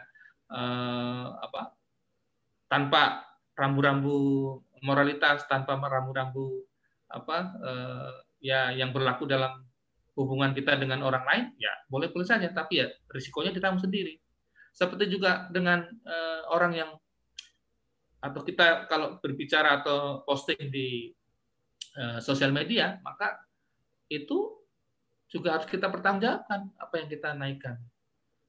Apalagi kalau di sosial media itu karena undang-undang menyebut itu bukan bagian dari media massa bukan dari industri pers maka hmm. bisa jadi kita akan kena jeratnya undang-undang ITE, bukan lagi undang-undang uh, apa uh, pers yang berlaku juga untuk media uh, mainstream. Jadi uh, bertanggungjawablah terhadap apa yang kita unggah, apa yang kita rekam, apa yang kita naikkan, apa yang kita share kepada publik. Saring sebelum sharing, kira-kira gitulah. Saring sebelum sharing. Ini yes. bisa digaris bawahi ya. Dan buat teman-teman mahasiswa ini, wah sudah ada 250 lebih yang bergabung. Terima kasih banget udah meluangkan waktunya. Buat yang pengen bertanya boleh banget uh, untuk bertanya di kolom chat, bisa juga untuk raise hand nanti akan dipilih. Karena gak cuma bakal dapat jawaban, kita juga bakal dapetin hadiah menarik. Oke, tiga penanya terbaik bakal dapat hadiah menarik. Dan buat teman-teman mahasiswa juga diingatkan untuk mengisi absensi webinar pemberian e-sertifikat dan juga persyaratan lomba podcast bisa dicek di link yang ada di kolom chat Zoom kita. Pak Yuri boleh menambahkan perihal etika jurnalisme dong sedikit iya, sambil menunggu uh, pertanyaan masuk. Oh, Oke. Okay. Ya, yang dikatakan oleh Pak Adi tadi betul ya. Jadi kalau di jurnalisnya sendiri, jurnalis organik misalnya, jadi jurnalis resmi itu kan ada kode etik jurnalistik yang ngawasin itu Dewan Pers gitu. Nah, kemudian kalau untuk di media digitalnya itu ada yang namanya uh, pedoman PPMS, pedoman pemberitaan media cyber, media cyber. PPMS itu juga dari Dewan Pers juga. Lalu ada di atasnya lagi ada Undang-Undang Nomor 40 1999, tapi itu semuanya untuk yang jurnalis resmi. Cuma untuk yang citizen jurnalis atau dalam bahasa Indonesia jurnalis warga itu nggak ada kode etik itu nggak ada yang bikin jadi mereka uh, apa sama sekali nggak ada yang aturan-aturan pedoman itu nggak ada gitu. Cuma saya setuju tadi uh, apa yang dikatakan oleh Pak Adi, apa yang ada kode etik yang di uh, jurnalis resmi gitu ya, kode etik jurnalistik yang untuk uh, jurnalis resmi itu juga sebetulnya bisa jadi acuan buat mereka yang akan berkecimpung sebagai seorang jurnalis warga. Karena apa? Itu untuk mencegah mereka nggak kena, nggak kejeblos gitu ya. Karena nantinya mereka kalau salah-salah mereka bisa kena ITE gitu, undang-undang ITE. Uh, gitu aja, Mas Indra. Oke, terima kasih Pak Yuri. Ini udah ada pertanyaan masuk dari Audita Nugraheni. Bagaimana cara podcaster menjaga hubungan baik dengan pendengar atau publiknya? Apalagi sekarang ini banyak sekali podcaster-podcaster baru yang muncul nih. Bagaimana caranya agar pendengar tetap setia dengan konten podcast kita? Dan apakah kekurangan dan kelebihan dalam podcast sebagai media baru? Terima kasih. Untuk ini untuk Mbak Citra kali ya. Boleh Mbak dijawab? Terima kasih banyak sekali ya pertanyaannya ya. Rombongan diborong ya. kayaknya. Ini nilainya tambah bagus apa gimana kalau pertanyaannya banyak? Oke, bagaimana cara podcaster menjaga hubungan baik dengan pendengar atau publiknya? Uh, inti dari ketika kita membuat konten kan adalah kita memenuhi kebutuhan sesuatu. Nah, kita mencari tahu dulu kebutuhan apa yang hendak kita penuhi, kebutuhan siapa yang hendak kita eh, penuhi uh, apakah misalnya kita mau kita senang apa sih yang lagi hype sekarang berkebun gitu hmm. Uh, misalnya kita mau bikin podcast berkebun bisa nggak? Ya bisa gitu. Uh, kebutuhannya ada nggak? Ya banyak. Di Instagram kalau lihat uh, Instagram Instagram berkebun banyak banget pertanyaan soal siram menyiram pupuk apa segala macam artinya itu sesuatu yang dibutuhkan orang gitu. Apakah kita punya expertise di bidang itu? Mungkin nggak expert expert amat sih tapi bisalah kita mencari mencari tahu bersama misalnya kayak gitu. Nah, dari situlah kemudian kita menciptakan hubungan yang baik dengan pendengarnya bahwa ada kebutuhan yang kita penuhi sebagai podcaster. Nah, dari situ kemudian kita um, formatnya seperti apa itu segala macam itu kan uh, bagaimana uh, kemudian respons dari si pendengar terhadap uh, konten tersebut. Nah, uh, challenge sekarang dari uh, podcast memang betul sekali banyak sekali podcaster podcaster terbaru yang muncul yang artinya tingkat ketertemuan atau discoverability-nya podcast itu berat gitu. Uh, kecuali keren banget, rame banget, viral banget misalnya, maka mungkin orang nggak tahu bahwa ada loh ternyata podcast berkebun tentang tanaman khusus tertentu gitu misalnya.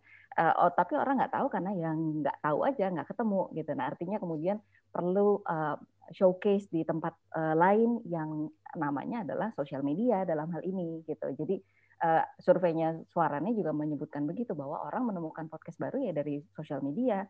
Um, dari situ kemudian menelusuri hal dan uh, sosial media yang paling Eh, sering dipakai untuk menemukan podcast baru adalah Instagram dan Instagram adalah mainannya anak sekarang kan.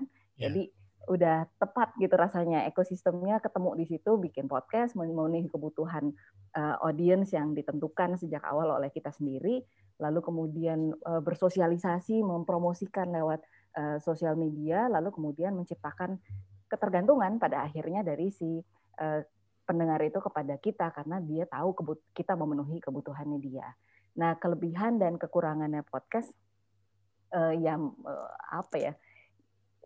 kelebihan yang paling utama dari podcast adalah intimacy.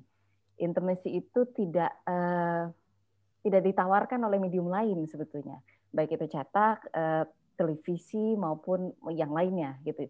Uh, kenapa begitu? Karena di dalam uh, audio ada yang namanya theater of mind. Theater of mind artinya kita dengerin suatu eh, suara tertentu, aku sama Indra mungkin akan mendengarkan suara yang sama, tapi imajinasi yang ada di kepalaku akan suara itu bisa jadi berbeda dengan uh, imajinasi yang ada di kepalanya Indra soal uh, suara yang sama gitu, yang artinya masing-masing menciptakan pengalaman sendiri terhadap suara tersebut yang itu kemudian berbeda pengalaman aku dengan pengalaman Indra. Itulah intimasi yang ditawarkan oleh um, Eh, medium bernama audio gitu. Sementara kalau um, TV misalnya, udah lu lihat di depan, yeah. udah kelihatan yeah. gitu. Eh, lu nggak perlu bayangin gitu. Jadi itu kemudian keunggulan dari audio. Uh, kelemahannya itu juga sebetulnya karena cuman audio, lu nggak punya tools lain untuk mendukung gitu. Nggak ada nggak bisa nggak ada gambar untuk menahan lu uh, tetap mendengarkan gitu misalnya atau nggak ada grafis-grafis. Yang memang benar-benar cuma audio. Artinya challenge-nya adalah gimana caranya bikin podcast yang kualitas audionya juga nggak jelek gitu. Karena begitu jelek kan dengerinnya pakai earphone nih yeah. jelek kan langsung bye taruh sangat terasa ya sangat terasa begitu terima kasih oke okay, terima kasih mbak Citra untuk jawabannya ini ada lagi dari Latifah Nadir assalamualaikum warahmatullahi wabarakatuh saya ingin bertanya jika tadi disebutkan semua orang harus menjadi content creator jangan hanya menjadi penonton. Nah, apabila di masa depan semua orang menjadi content creator, lalu siapa yang akan menjadi penonton atau pendengarnya? Ini boleh untuk Pak Adi boleh dijawab nih. Ya, uh, sorry. Jangan khawatir ya bahwa uh, tidak ada atau semua orang akan menjadi broadcaster atau podcaster atau semua orang menjadi pedagang apa uh, pizza misalnya meskipun uh, peluang itu harus kita coba untuk uh, ambil saya yakin pasti apa ya uh, tidak mungkin itu terjadi sama halnya uh, berbicara kalau kita semua bekerja nanti siapa dong yang mau menjadi pengusaha atau kalau kita semua disuruh jadi entrepreneur, siapa dong yang mau jadi karyawan? Enggak lah, jangan khawatir. Pasti uh, ada sebagian di antara kita yang uh, mungkin interestingnya atau interestnya tidak pada uh, level uh, podcaster atau content creator atau pengusaha atau jurnalis.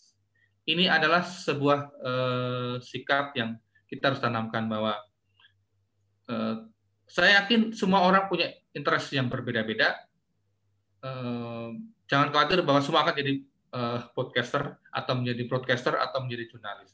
Pasti ada sebagian besar dari antara kita yang mungkin bahagia dengan menjadi pendengar, bahagia dengan menjadi penonton, atau bahagia dengan menjadi pengusaha, atau bahagia dengan menjadi karyawan.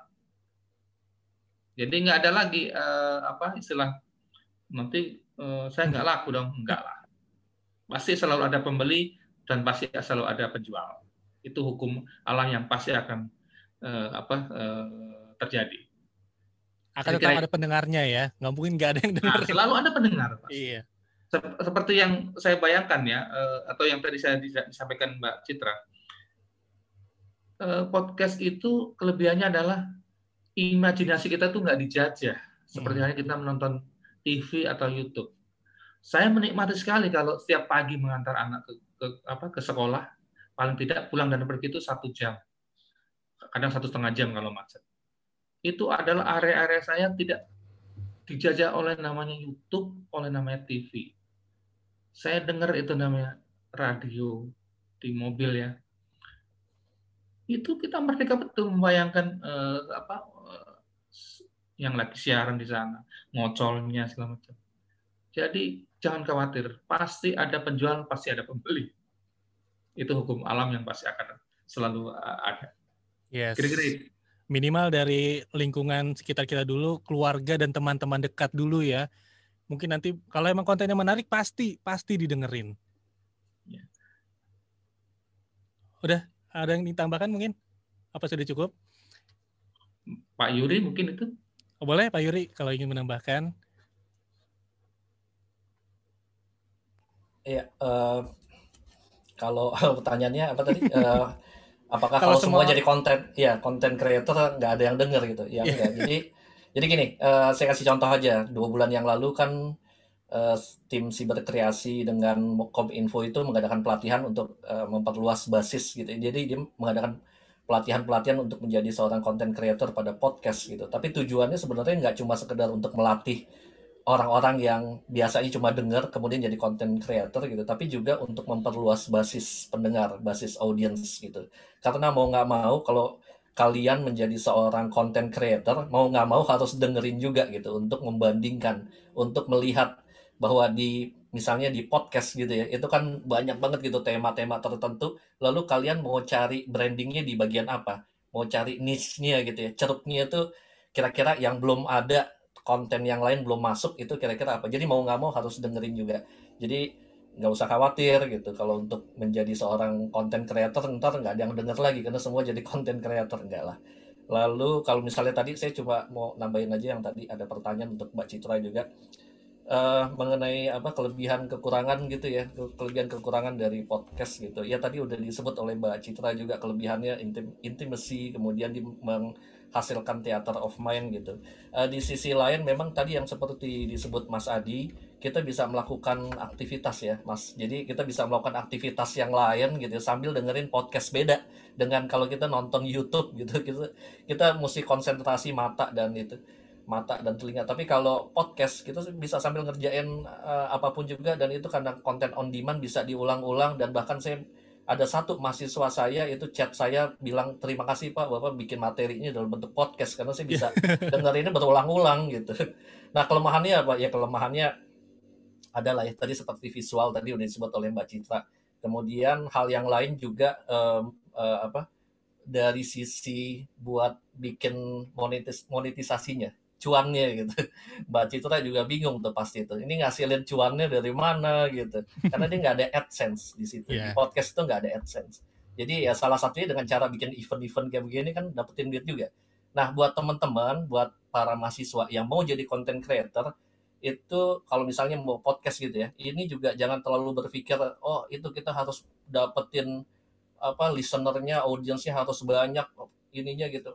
Yang penting pokoknya dapetin kalau menurut saya dapetin segmennya dulu gitu dapetin segmen pasarnya niche-nya gitu ya kalau udah dapet kemudian terus saja gitu terus di uh, bidang itu di tema tersebut jangan pindah dan mendapatkan uh, para audience loyal dari situ nanti kalian akan bisa kembangkan mungkin uangnya bukan dari sisi adsense bukan dari adsense lagi bukan dari sisi podcastnya tapi dari sisi lainnya gitu yang hmm. terkait dengan podcast misalnya di diminta untuk menjadi pembicara kalian bisa bikin buku kalian dapat uh, bisa bikin event seperti yang dilakukan oleh KBR seperti ini. Itu barangkali Mas Indra. Yes, yang penting sih uh, kuncinya sabar mungkin ya. Udah bikin podcast, nggak mungkin langsung dapat iklan, nggak mungkin langsung dapat pemasukan. Butuh beberapa puluh puluh episode atau mungkin beberapa episode dulu karena saya kalau ngobrol sama teman-teman yang sudah pernah nangkring di chart Spotify uh, podcast ya, ini butuh bahkan ada yang sampai 100 lebih episode baru menghasilkan uang ada yang sampai puluhan juga sih. Nah, kuncinya adalah konsisten dan juga sabar. Itu mungkin bisa jadi kunci juga betul, ya. Betul, betul sekali. Jangan jangan gampang nyerah. Podcast kamu pasti ada yang dengerin. Anyway, waktu kita ternyata sudah harus uh, selesai nih untuk untuk webinar kali ini. Pertanyaannya banyak banget yang masuk. Mohon maaf sekali. Uh, mungkin bisa dijawab di lain kesempatan. Terima kasih banget buat teman-teman yang sudah hadir. Jangan lupa juga untuk mengikuti lomba podcast di kbrprime.id ya. Untuk informasinya bisa dicek di chat Zoom ini juga. Mungkin terakhir dari Mas Adi, Mbak Citra dan Pak Yuri uh, closing statement sedikit, boleh? Saya dulu? Ya boleh, Mas Adi dulu. Ya, Mas Indra dan teman-teman uh, mahasiswa di Al-Azhar, Pak Yuri dan juga uh, teman-teman dosen. Pertama, uh, podcast itu sesuatu yang menantang buat uh, profesi ke depan. Kenapa? Karena di Indonesia sendiri podcast boleh dibilang sangat baru uh, anak bungsu dari uh, apa namanya uh, new journalism di Indonesia. Jadi ini sesuatu profesi dan juga satu bidang yang menantang buat ke depan. Jangan ragu kalau memang teman-teman berminat ke situ, segera kuasai secara tekniknya. Kita tidak usah menunggu. Belajar sekarang tidak harus ketemu fisik. Uh, Google itu sudah maha tahu tentang podcast di situ bagaimana memulai jadi podcaster, apa saja aplikasi yang untuk edit audionya, bagaimana apa eh, cara memelihara engagement dengan apa pendengar, bagaimana eh, memulai apa punya akun di Spotify dan segala macam atau di Anchor itu ada semuanya.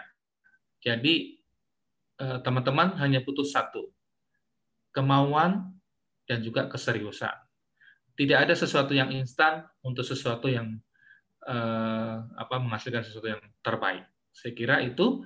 Dan kalau teman-teman ke depan misalnya eh, ingin belajar menjadi jurnalis, tidak hanya sekedar eh, di dunia podcast, eh, secara generik mungkin eh, apa manfaatkan media-media atau industri-industri media untuk menjadi tempat eh, apa pembelajaran. Mungkin eh, magang eh, di eh, televisi, di tempatnya Mbak Citra untuk podcast, atau di media eh, online, di banyak banyak tempat lah. Itu manfaatkan itu sebagai salah satu cara yang paling eh, cepat dan paling apa eh, oke okay untuk mengembangkan potensi kita. Saya kira itu. Uh, okay. Tetapi satu pesan lagi, apa pun uh, podcast atau konten kita eh, apa kita mau bikin satu yang pesan saya adalah bahwa menjadi jurnalis atau podcast jurnalis itu tidak sekedar eh, rame atau tidak sekedar banyak eh, followernya tetapi juga kalau bisa punya impact yang baik buat publik yes. itu adalah tugas utama dari seorang jurnalis baik itu di podcast, TV atau cetak atau online. Saya kira itu. Terima kasih banyak Mas Adi. Wah, penjelasannya sangat singkat tapi sangat apa ya banyak banget ilmu yang bisa kita contoh. Lanjut ke Mbak Citra, closing statement singkat saja mungkin ya. Sorry. Baik, terima kasih semuanya. Mohon maaf nih di chat ada banyak sekali pertanyaan yang saya, saya belum bisa kita jawab. Aku juga share uh, materi PDF, mudah-mudahan bisa sedikit menjawab, mudah-mudahan. Hmm. Um, jadi inti podcast, TV, radio, TV, uh, apa majalah, koran segala macam itu adalah platform, itu adalah medium gitu. Jadi yang penting adalah kita menguasai dasar-dasarnya, menguasai prinsip-prinsipnya itu bisa kita terapkan di platform apa pun yang kita akan hadapi nanti. Bahkan ketika kita menulis sekedar menulis social media caption itu juga bisa bisa menerapkan prinsip itu kan. Gitu apalagi kemudian menciptakan konten-konten yang uh, lebih panjang durasinya, lebih long lasting, lebih eh, banyak effortnya segala macam. Eh, tema ada 1.375 tema yang bisa digarap, ya, itu sesuai dari uh, expertise setiap orang. Setiap orang kan paling enggak adalah expert dari satu hal. Mungkin kita semua nggak expert atas semua hal, itu tapi paling enggak ada satu hal yang kita kuasai banget dan itu kemudian bisa jadi modal kita. Siapakah yang menjadi sasaran kita itu pentingnya menentukan segmen. Tadi Pak Yuri juga sudah menyebutkan itu. Konsisten gimana tipsnya? Itu termasuk salah satu pertanyaan di dalam uh, chat. Konsisten memang sesuatu yang berat untuk dijaga, apalagi kalau terus kemudian lihat angkanya kok kecil ya, apa gue terberhenti aja gitu. Tapi ya jangan gitu. Kalau kita yakin memang uh, konten kita bagus, kita coba maju terus dengan yang kita coba tawarkan ya sambil terus improvement nggak lantas terus kemudian ya udah bikin-bikin aja terus dicuekin ya jangan gitu itu kan berarti nggak menerima feedback juga dari orang lain. Nah kita terbuka aja terhadap feedback itu. Orang senengnya apa sih? Oke misalnya podcast berkebun senengnya spesifik tanaman atau apa ya gitu. Jadi itu kan bisa bagaimana kita mempelajari audiens yang kita tuju. Itu kan penting ya, prinsip penting yang di, perlu dipelajari oleh kita sebagai konten kreator regardless platform yang akan kita pilih. Di mana pun itu kan juga harus milih segmen eh, mengetahui cara engagement yang baik gitu. Dan eh, dunia digital itu akan membantu kita soal engagement. Kita bisa menjangkau lebih banyak orang kita dapat angka-angka yang dibutuhkan tapi digital dunia digital juga menciptakan misterinya berikutnya. Kenapa sih orang stay? Kenapa sih enggak? Ya enggak ada jawabannya gitu. Enggak ada yang spesifik ini oh orang stay karena satu dua tiga enggak gitu. Tapi paling enggak kita bisa meraba dari angka-angka itu. Nah itulah kemudian uh, kita mengolah semua kemampuan kita uh, untuk storytelling menggunakan prinsip-prinsip etika segala macam untuk menciptakan konten yang baik. Nah dari situ kemudian kita bisa uh, mendorong juga sama-sama uh, environment atau scene dari si podcast di Indonesia yang lebih bertumbuh dan lebih uh, berkembang. Sehingga orang tidak hanya mengenal podcast sebagai oh konten audio yang isinya bercandaan atau horor doang ya enggak gitu. Ada loh hal-hal lain gitu yang kemudian bisa um, didorong lewat itu. Brand-brand besar seperti McDonald's atau GE aja bikin podcast dan uh, misalnya GE yang menarik adalah uh, dia bikin podcast um, science fiction uh, yang materinya adalah produk-produk yang diciptakan oleh GE. Jadi dia selling dengan cara menjual cerita itu. Itu kan pendekatan yang sama sekali baru dan mungkin belum dicoba di sini gitu. Jadi itu sesuatu area-area yang perlu kita eksplorasi bersama-sama. Panjang ya ternyata. Terima kasih Indra. Terima kasih banyak Mbak Citra. Terakhir Pak Yuri boleh closing statement karena habis ini kita bakal ada ya. uh, makeup beauty class bareng Wardah. Oke, saya singkat aja. Jadi yes. ada ada Gium ya menyatakan bahwa semakin receh, semakin tidak bermanfaat isi dari sebuah media sosial, itu justru followernya semakin tinggi. Itu yang membuat Mbak Citra dengan KBR Primenya itu masih di bawah. Itu karena kalian punya konten itu terlalu bermanfaat gitu ya. Nah jadi uh, kalau saya sih concernnya sebagai dosen itu bagaimana mendorong mahasiswa-mahasiswa untuk bisa melakukan perubahan sosial yaitu dengan media sosial gitu ya. Dengan memiliki media sosial. Platform media sosial akan memungkinkan generasi muda kita kelompok-kelompok milenial untuk melakukan perubahan sosial yang lebih baik gitu ya di masa datang. Salah satunya apa? Yaitu melalui podcast. Jadi satu kalimat aja terakhir yaitu milikilah media sosial apa pun juga. Salah satunya mungkin podcast untuk melakukan perubahan sosial terima kasih Mas Indra yes milikilah media sosial untuk melakukan perubahan sosial. Keren. Terima kasih banyak untuk para narasumber yang sudah menyempatkan waktunya, membagikan ilmunya juga untuk Mbak Citra, Pak Adi, dan juga Pak Yuri. Terima kasih.